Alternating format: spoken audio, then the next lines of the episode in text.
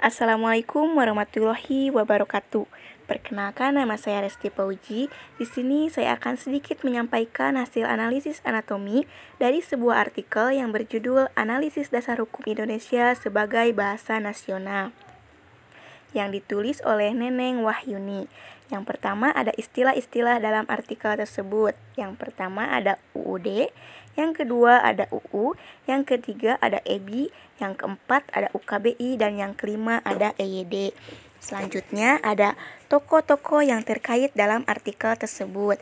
Yang pertama ada Ubadillah, yang kedua ada Muhlis, yang ketiga ada Alisa Jaba, yang keempat ada Abdul Hair, dan yang kelima ada Peter Mahmud. Selanjutnya ada ringkasan mengenai artikel tersebut.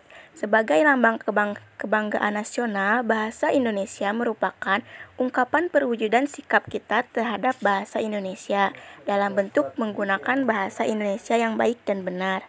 Sikap positif atau negatif kita terdapat pada bahasa Indonesia tergambar pada perilaku kita dalam memakai dan memaknai bahasa Indonesia.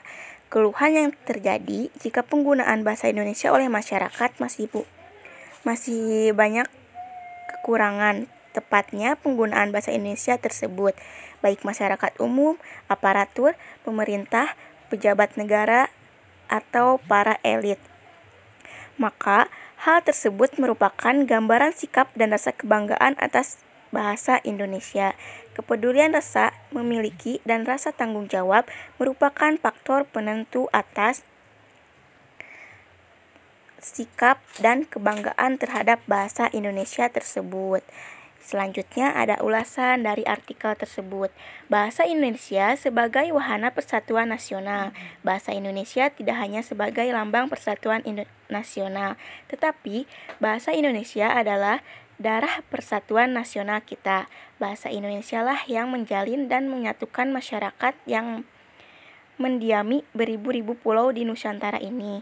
Bahasa Indonesia yang menyatukan masyarakat yang berbeda-beda bahasa dan budaya senasib sepenanggungan mulai zaman penjajahan.